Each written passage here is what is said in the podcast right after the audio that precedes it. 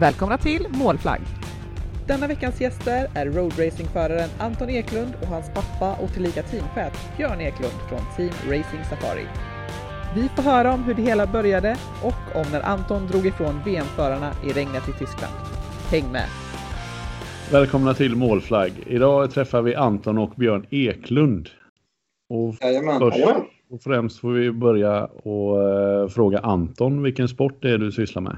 Eh, jag tävlar med, eller ja, jag tävlar i roadracing. Kanske en utveckling på det med. Ehm, eh, det är alltså gatmotorcyklar på bana. Vad är det för kubik du kör med nu? Eh, jag tävlar med eh, 600 kubiker. Och även 1000. På vissa tävlingar. Hur kommer det sig att du började med detta?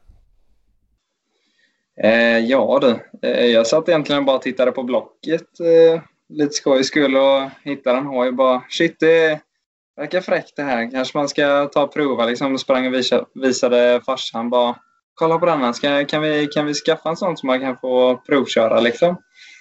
"Nja, nej men då, då får du fan börja tävla också. Okej då. då. Då gör väl det då.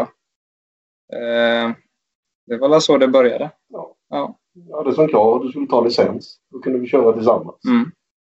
Sen har det ju aldrig blivit av i och för sig men när du tog licensen. Men Ja, du har fixat det själv ändå. ja, ja.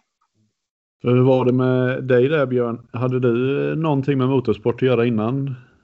Eh, inte tävlat själv. Jag har kört mycket bana. Och eh, varit mekaniker åt många som har tävlat. Så det, var den, det intresset har alltid funnits där med hojarna. Mm. Eh, och det ni började med det var en Aprilia 125 stämmer det? Jajamän.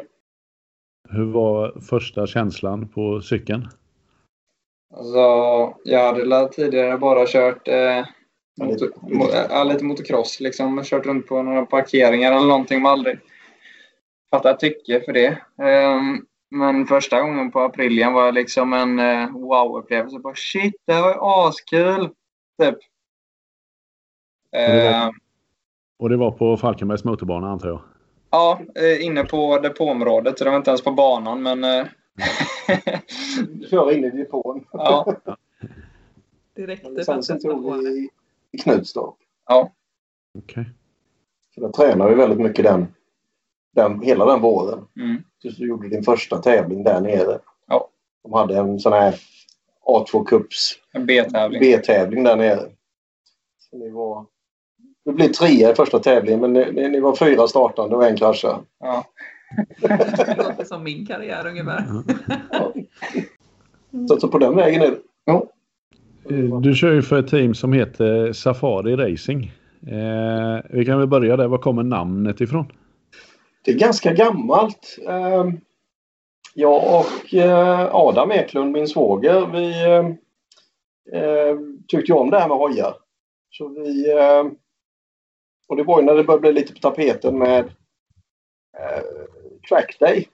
Så vi var väldigt tidigt utomlands med det. Så att vi hade vår första körning i Polen faktiskt.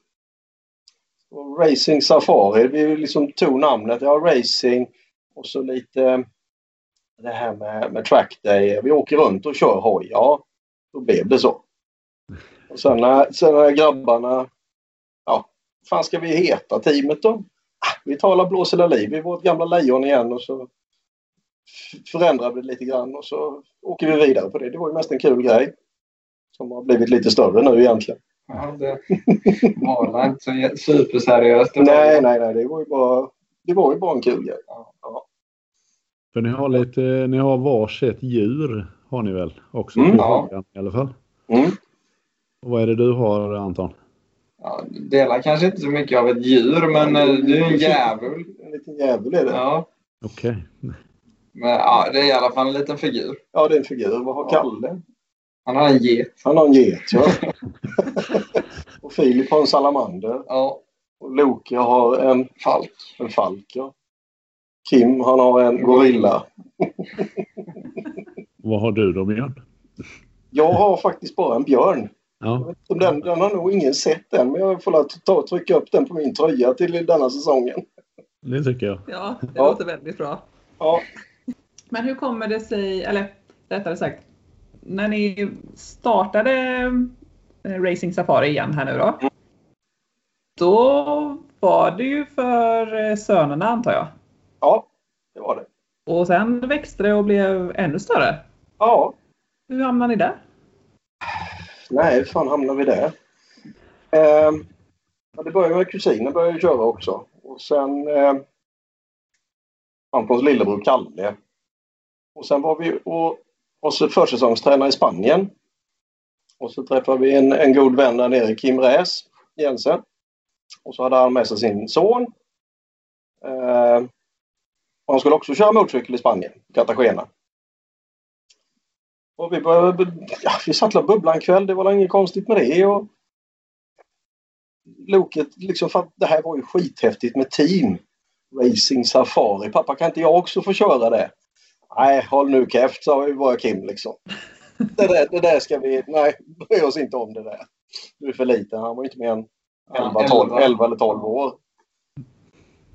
Eh, men han gav sig inte riktigt, Loke som han heter. Och, eh,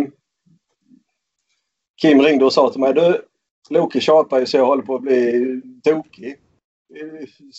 Ska vi göra det här? Ska vi göra det på riktigt eller vad, vad, vad tycker vi? Ja, ja absolut, ni kan åka med våra färger. Alltså, det var ju så stort för han så att menar, Valentino Rossi var ju ingenting. Han fick ju ingå i ett team, Loke. Det var ju skithäftigt liksom. Och teamkläder och teamfärger och det var ju det var jättestort för han. Och är fortfarande så att eh, ganska mycket dialog. Vi får mycket frågor och, på Messenger och eh, vilka färger ska vi ha då, i år och vad- nya sponsorer, vad heter de, de loggorna. Han vill veta allt. Så att, ja, lång historia. Det blev lite större. Ja, det blev lite större. Så idag driver vi det som företag. Det hade inte funkat annars. Och ni är lite överallt och tävlar. Du nämnde att ni var i Spanien. Ni Ja. har även varit i Tyskland Ja, och men, även i Slovakien. ja det är ju träningstävling i Slovakien. Så att, eh, och det är även i, i Spanien då, när man är där nere, så man får känna på Men Hur är det? det att- momentet, momentet tävling igen då. Sen, men eh, i Tyskland så var det ju IDM-finalen. Det var ju lite för att känna på motståndet där nere. och Hur är det att, att köra utomlands? Det är jävligt häftigt egentligen. Det blir en helt annan atmosfär jämfört med i Sverige. Alltså, Sverige kan ju vara så här eh, jävla linglong-serie nästan om man jämför känns det som. Men alltså man kom ner där och det är liksom tiotals trailrar. Det är tv-kameror överallt. Det är liksom kändisar från MotoGP. Det, var en helt annan sak. Det är lite större. Ja, det, det var ju Betydligt sju helvetes med folk som kom och tittade med liksom. Jag är inte riktigt van. Nej, det, det var ju en lite annan grej. Och så var man ju typ så här, hur många var vi? 40 startande eller någonting. Ja. Ja, det, Det var en häftig upplevelse. ja, det var det. Det, det gav ju mer smak men sen har det ju blivit som det har blivit i världen med pandemin. Vil- vilken bana var det ni var på? på i? Hockenheim. Hockenheim. Mm. Ja. Det är en rätt maffig bana med, med läktaren och det där. Ja, ja, det, det är lite det som var grejen. Men man kom dit och bara shit alltså. Det var skitstort. Ja. Men det var rätt häftigt. det att köra 40 andra då? Alltså, det, i starten var det ganska mäktigt. att Liksom se liksom så jävla mycket folk. Men eh, efter första kurvan, andra kurvan, så splittrades det upp rätt så fort. Så då blev det inte mer än ett vanligt race liksom, som i Sverige. Det var lite tuffare där nere. Ja, de, de, de, tuffare. gav ju sig inte. Fan alltså, det, liksom, där en lucka inte ens finns. Nej, där ska jag in. Jag krockar in i det, men jag ska fan förbi. Det var liksom ingen nåd överhuvudtaget. Ja, det var häftigt. Men du kraschade ju tyvärr första racet. Ja. Ja, ja. Så du fick lite tv-tid. Ja, det fick jag. Typ så här tio, tio sekunder eller någonting. Satt på en plaststol. Men du är med i eh, Svemo Challenge Ja, och har varit det sedan 2018. japp.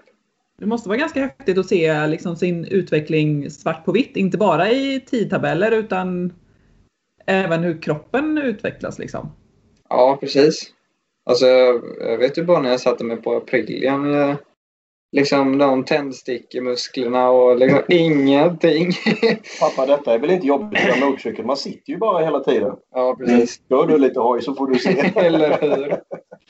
Nej, men man, man, har ju fått ta tag i det lite mer än jag gjort tidigare. Jag är liksom bara... När jag började köra så spelade jag fortfarande fotboll. Um, så jag fick ju göra ett val där till slut. Det var inte så svårt. Nej, det var ju inte det. Uh, så då fick jag börja gymma istället och träna på egen hand så att säga. Och hur ser träningen ut nu då under vinterhalvåret när ni inte kan vara iväg och köra? Alltså, jag försöker att träna så gott det går och så länge motivationen räcker till. Eh, under en så här tråkig period, men eh, jag kan la träna en fyra, fem gånger som, som max i veckan. Ja. Eh, upp till skola och jobb och sånt där. Hade du varit mycket på motorbanan eh, innan du började köra själv? Uh, inte supermycket. Nej. Så det, det var alla västkustloppet som vi alltid var och kollade på. Man åkte på någon tävling och, och lite sånt. Men eh, någonting annat var det egentligen inte. Nej, det var att man kollade på MotoGP. Ja, det, det har vi alltid gjort. Ja. Varit iväg på några sådana tävlingar. Och, ja. Uh, inte mer än det. Nej, faktiskt. Som vi var inne på innan när du började att köra så blev ju även din kusin Filip intresserad av att köra. Ja. Eh, och nu även din lillebror. Jajamän. Eh, hur är det att ha halva släkten i depån och på banan? ja, men eh, det är som en familjesemester kan man säga. Som aldrig tar slut. Ja, nej, alltså det är hemma på fritiden så umgås man ju med kusinen och lillebror hela tiden. Och så åker man iväg på motor, motortävlingar och ja, likaså semestrar där med. Solsemestrar och skidsemestrar. Så det är fan. Det, det är familjen Taikon alltid. Ja, alltid. Men vi har ganska kul. Ja, kul har vi. Det var jävligt kul. Det, nej, det, det, det, är svårt att sätta finger på hur jävla häftigt det är att liksom vara med hela vägen. Liksom har varit i alla de här åren och du ser utvecklingen på, på killarna. Alltså det, ja, det är skithäftigt alltså. Jag har ju träffat er på en del tävlingar runt om i Sverige och det är ju väldigt väldigt familjärt när man kommer dit. Eller till eran, oh ja. tält eller box eller så. Ja. Det är väldigt trevligt. Ja, vi, vi, vi har blivit någon, någon knutpunkt. Det spelar ingen roll var vi är någonstans så är det alltid vi som är centrum någonstans. Vi, vi har någon aura runt oss att dit går vi för där har vi kul. eller de är trevliga. Vi, ja. Är... ja ni, ni, är ju lite öppna och ärliga med. Ni är inte så ja. instängda som många förare blir. Nej, det känns som att vi har ingen anledning till att, att vara det. För, att, för det första, racingen i Sverige är, är så liten. Eh, varför inte hjälpas åt? Jag menar de som kämpar och inte förstår. Jag hjälper ju jättegärna till liksom, när folk har problem. Jag kan ju inte låta bli liksom. Eh, men eh, och det, det, är klart, det, det, är en uppskattning som, som man får tillbaka också visat liksom. Tack för hjälpen. Och, ja, det är kul. Hur många är ni som eh, när ni åker ut och tävlar en helg? Liksom? Hur många är ni? Det är först eh, våra två bussar, våran och Philips. Ja, vi är ju fyra i vår familj och de är ju fyra i Adams familj. Och sen så kommer Kim och Loke. Och sen blir alltid några kompisar med, tre, fyra stycken. Så ja, ja vi, vi blir ju rätt många. Det är en hel cirkus helt enkelt som åker Ja, runt. det blir det. det det är taikon på riktigt. Det är zigenarlivet. Man, man bor i de här bussarna alltid, känns det som. Det är inte tävling så är det ju träning. Ja, precis. Men mycket träning och så. Jag vet, eh, det var säkert på fler tävlingar, men jag kommer ihåg i Anderstorp. Mm. Var det för förra året eller förra året? Det kommer jag inte ihåg. Men då körde du eh, både 300 och 600 va? Ja. Det, det var lite jobbigt såg jag när du kom in i... För du bröt väl 600-racet då? Ja, jag bröt eh, sista racet och då, då höll jag på att få en blackout. Var... Eh, mitt under racet och svartnade det bara så då, nej, då, då körde jag in istället. Det var lite jobbigare än att bara sitta på Ja, det, det, ja, när jag dessutom körde två klasser med så blev det rätt strängt. Men hur är det också då, alltså när du har kört ena klassen och sen sätter dig på motorcykeln igen, har du koll på vilken motorcykel du sitter på? Ja, alltså jag har alltid haft en rutin gällande det när jag övergången till de olika storlekarna eller så. Eh, liksom visualiserat vad jag bör tänka på, vad jag ska göra just med den, respektive cykeln jag ska köra. För att minska risken för en krasch eller någonting annat. Eh, och det har funkat hittills. Ja, det, är, det är olika bromspunkter och... Ja, det blir, allting blir olika. Det blir ett helt annat tankesätt. Ja, precis. Det var det jag tänkte att det måste bli... Ja. Man får nollställa hjärnan lite.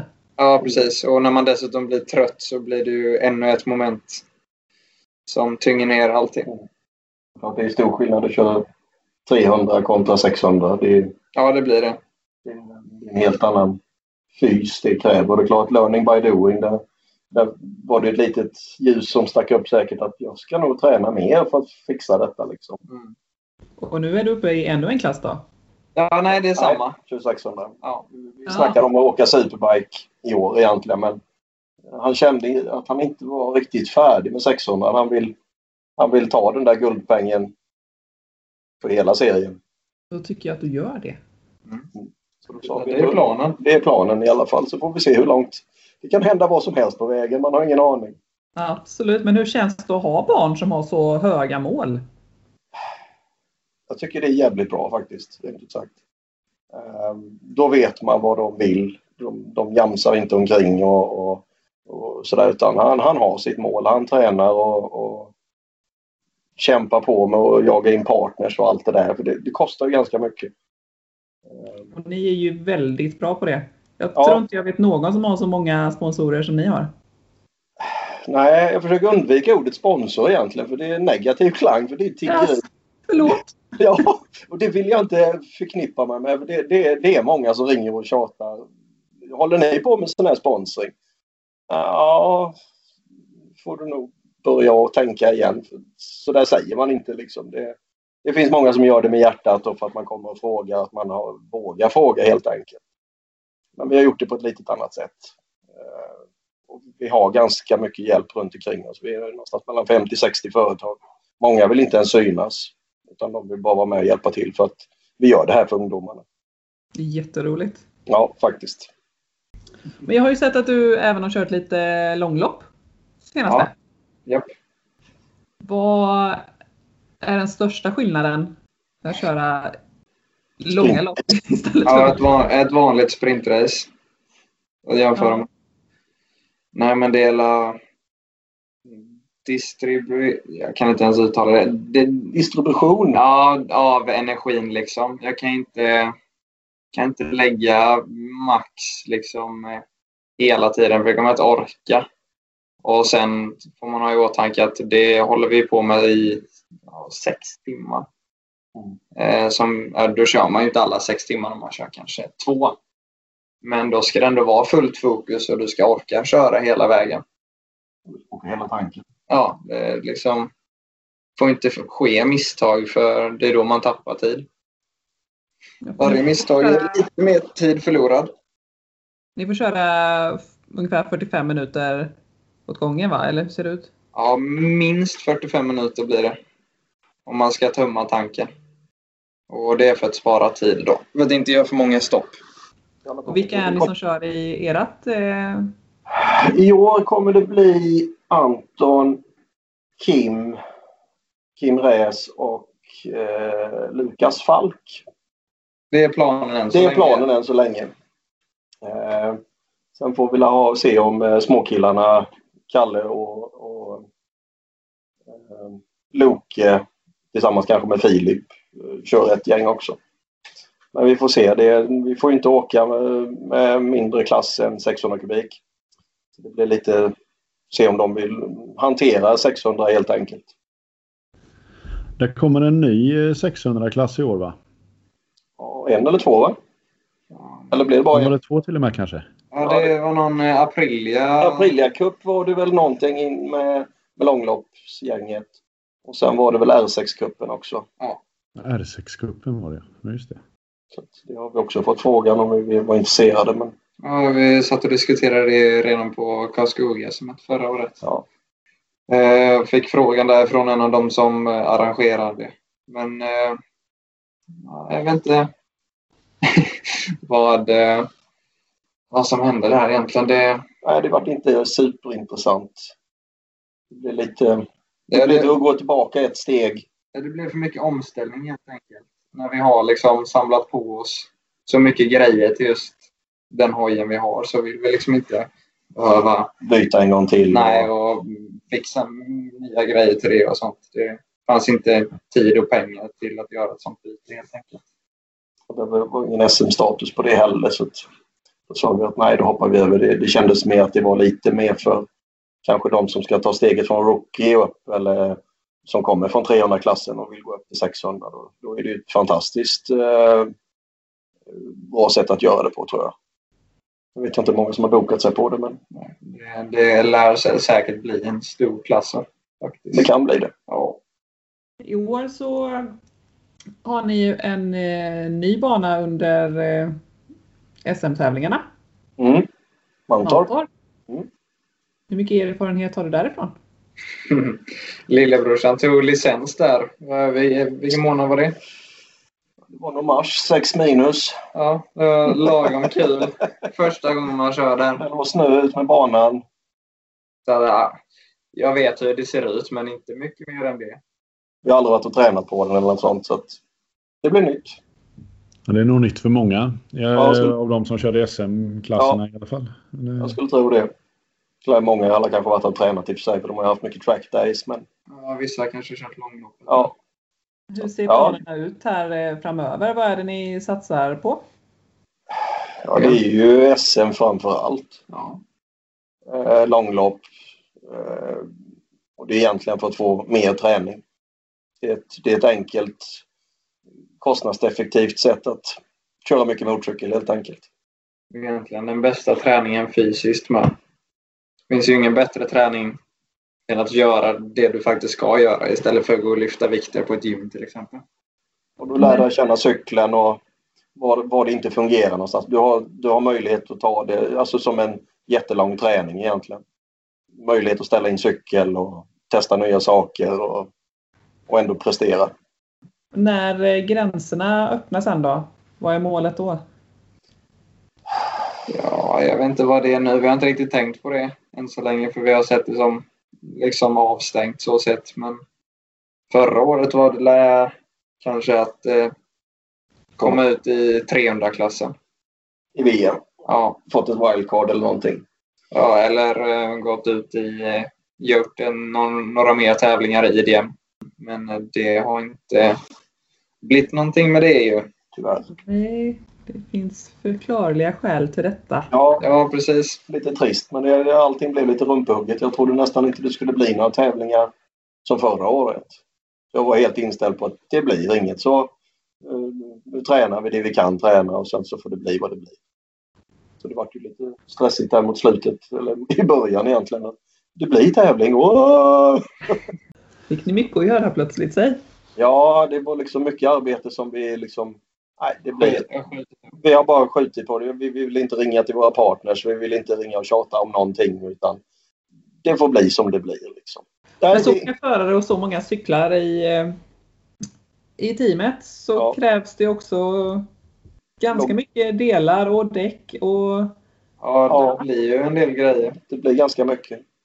Men vi har många goda kontakter och vi får bra hjälp helt enkelt. I år eh, får vi riktigt bra med hjälp så att eh, det ska bli väldigt kul faktiskt. vad roligt att höra. Ja, var inte. Gå och sitta och nicka. Nej, men... Allting är inte hundra klart så att vi kan inte säga för mycket heller. Nej, det var det jag tänkte gå in på lite, men sen var jag tvungen på hur jag skulle formulera det så jag skulle få ut det. Nej. Ja, det är ganska mycket på gång. Eh, Kul grejer på gång faktiskt. Det ska bli väldigt spännande och väldigt och hoppas att, att det här pandemin att det liksom kan klinga av lite grann att vi får ta emot eh, publik och hela den biten på våra tävlingar. Ja, SM-kalendern är ju satt. Ja, Men det är väl inte sagt någonting om publiken. nej. Jag tror inte det. Nej. Nej, det blir nog... eh, ja. Det, Kan det jag bli någon, någon, någon twist på samma som vi hade förra året? Och det, ja. Ja, det är lite synd att inte att sporten är större, att man får mer mediatid eller Mm. eh, att det finns ett större intresse.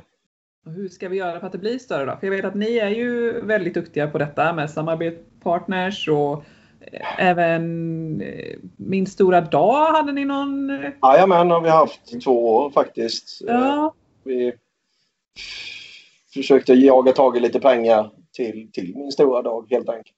Så vi efterskänkt. Eh, Men ja, man gör små grejer. Bara för att få synligheten. Sen är ju inte det allt utan det är, det är det är lite vi bakom, bakom styrspakarna som styr och, och försöker på alla möjliga sätt egentligen. ja, men jag tänker även detta skapar ju ett intresse hos de som kanske inte visste någonting om det från, Oh ja. om er från Oh ja. början. Och ja, det, det är många man har pratat med som har eh, sponsrat både andra typer av idrott, eh, fotboll och, och hockey och handboll. Som, nej, jag får ingenting tillbaka. Jag, jag kommer aldrig mer hjälpa en enda sport till. Jag träffade faktiskt senast en idag. Det här låter spännande. Det ska jag vara med på. Kul. Det, det, det kan funka. Absolut. Vi får väl se vad det tar vägen. Har ni några mer eh, planer framöver på hur ni ska få fler att få upp ögonen för eh, roadracing? Och er?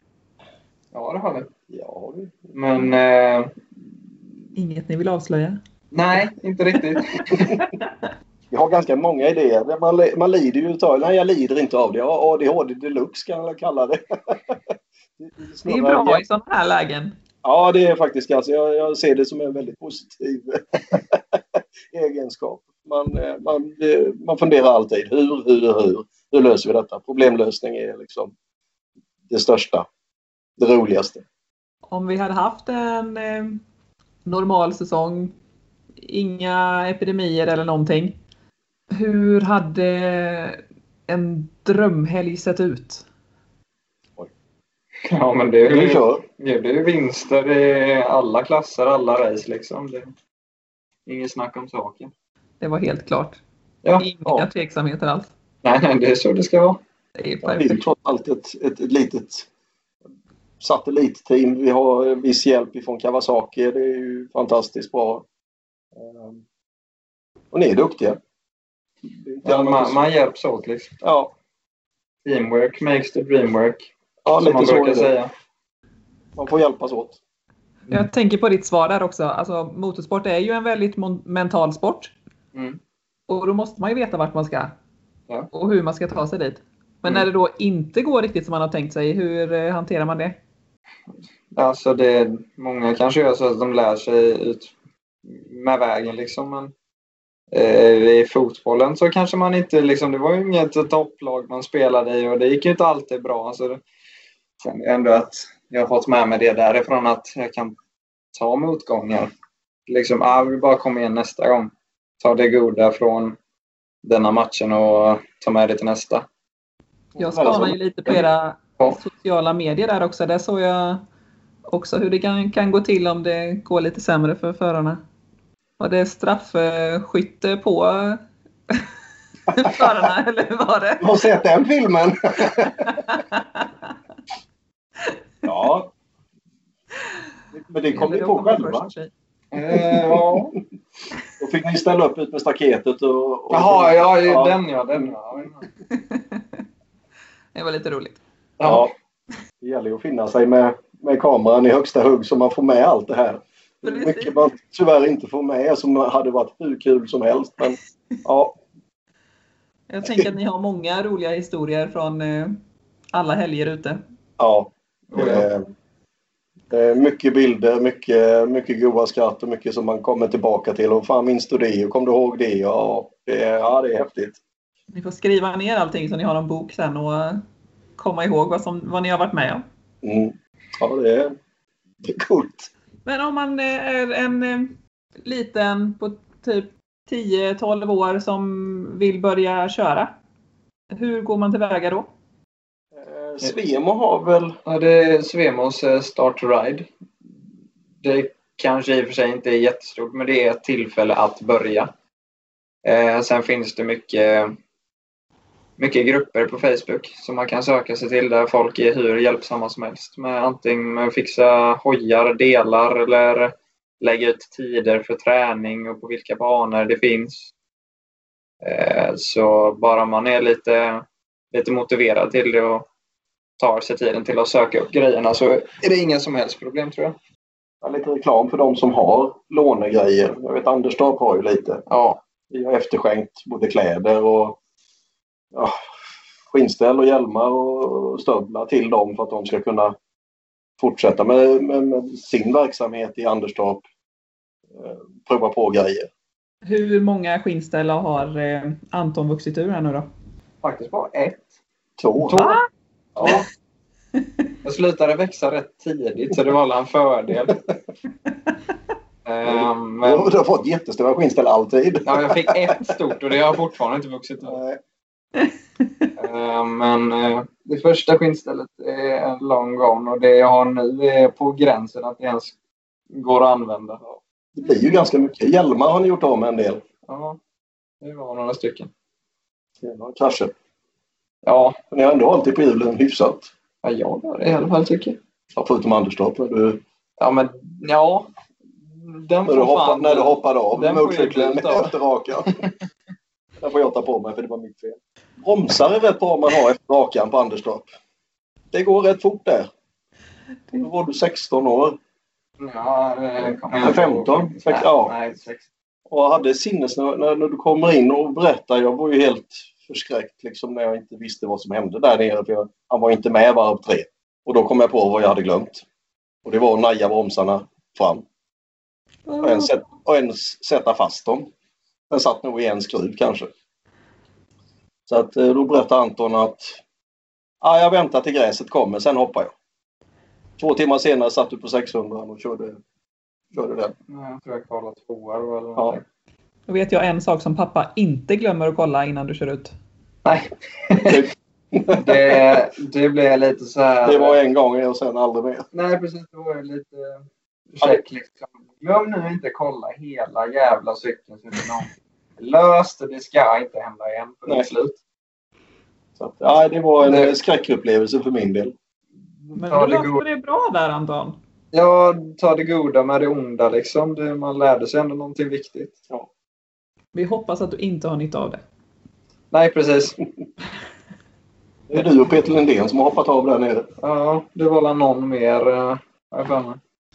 Peter Lindén hoppade av lite senare va? Var Ja, väl- det var väl redan vid 200-skylten. Det gick lite fortare också kanske. Vilken är favoritbanan i Sverige? Uh, jag vet fan inte. Knutstorp är jävligt rolig faktiskt med eh, småcyklarna. Jag har inte kört 600 där, men med 400 är den skitkul. Det lutar lite med där ju. Eller så, eh, lite Ja, det du kör, kör bakhjul, fan ta mig överallt. Det kan sladda. Bankade kurvor. Ja, alltså det, det händer mycket grejer hela tiden. Du fick ju jobba konstant. Det var liksom rakan vilade i två sekunder. Sen var du bara på det igen. Vilket är favoritunderlaget? Torrt eller blött? Ja, då. Jag föredrar alla helst torrt. för Det slipper jag ju liksom vara så jävla nervös och skakig för det är så jävla läbbigt att köra på blött. Men eh, ja, blött går ju det med. Det, det är inga problem. Vi har tränat mycket på blött. Ja, det, det har ju blivit så. Det syns ju på resultaten när det är blött också. Ja, är ju outstanding. Hela gänget. alltså, ja, Ja, blött är fortfarande äckligt att köra på men eh, det funkar. vi hade ju blött på Hockenheim. Mm. Och då var ni topp. Då var ni tvåa, trea Ja, Ja, på träningen. på första träningen. Där nere. Då, då var det ju en liten fjäder i hatten. Vad är det, vad är det för några peljönsar där borta? Ja. De hade ju aldrig varit med innan och vi åkte ju Ja. på mycket fortare än... Ja, men det var lite roligt faktiskt. Vi kom in på förmötet. Sista, efter sista träningen liksom, kommer jag och Filip in och bara tjena tjena. Då sitter de där bara. vem fan är de där två? Aldrig sett dem innan.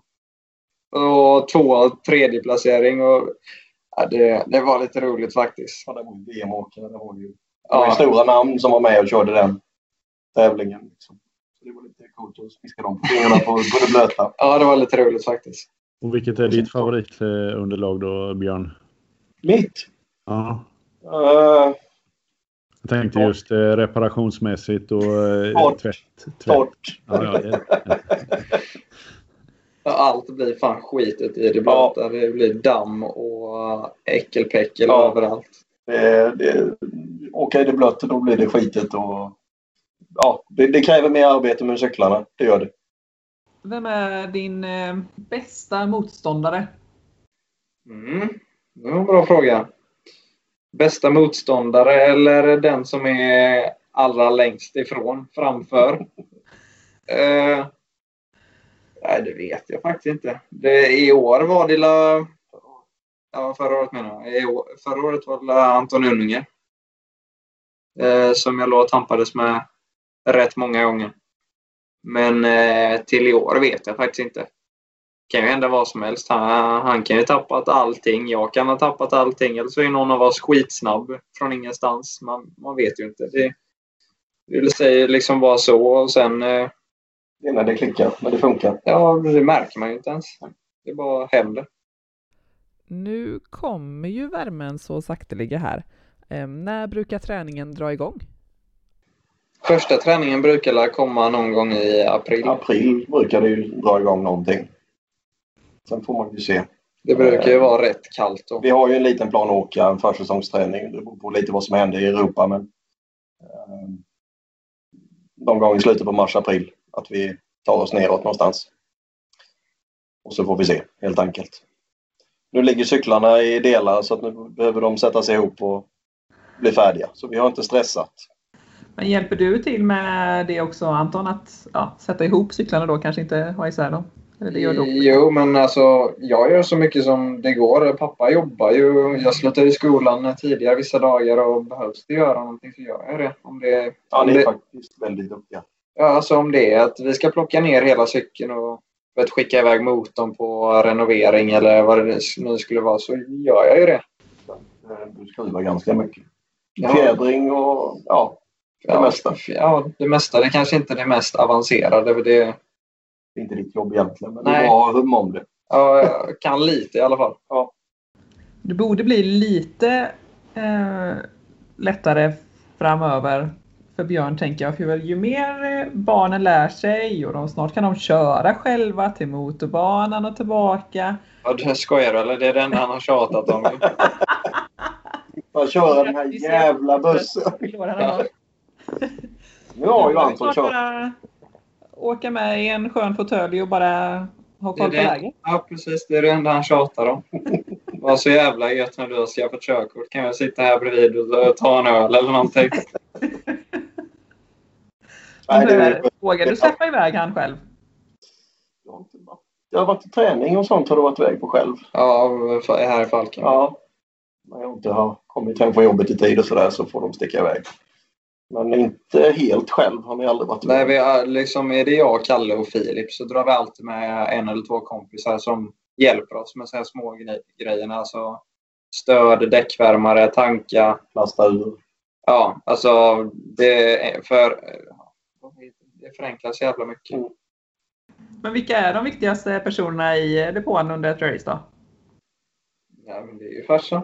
Han gör ju allting. Det är fjädring, eh, däcktryck, eh, motor, mek, ja det mesta. Och du har ju vissa andra personer också. Ja, och det, Kim, Kim bland annat. ja, han är ju lite mer specialiserad på fjädringssidan. Jörgen i Norge. Han är också fjädring där. Ja. Det är de två som du bollar lite idéer med. Och, Ja, man, man diskuterar och ställer frågor och de kommer med svar eller idéer. Det är de som gör att du flyger fram då? Ja, kanske. Vissa gånger. en kombination tror jag. Ja. Du har ju lärt dig oerhört mycket. Du skulle ju...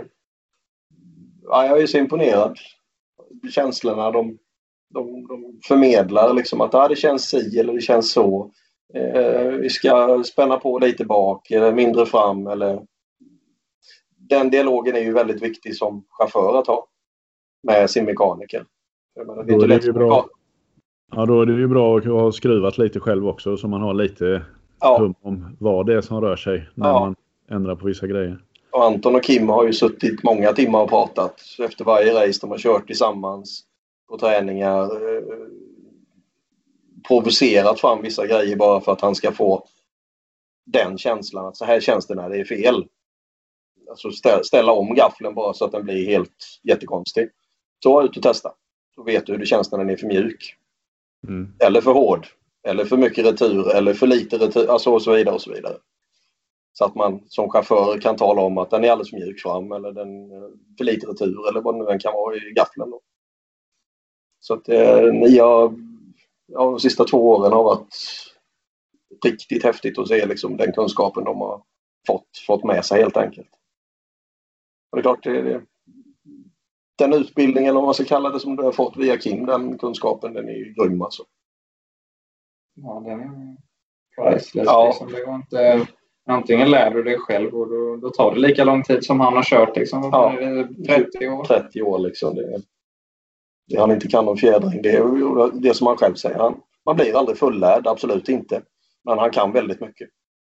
Men på tal om utbildning här då, när skolan är slut till sommaren, vad är, vad är planen då? Eh, så som det ser ut nu så är det ju lumpen.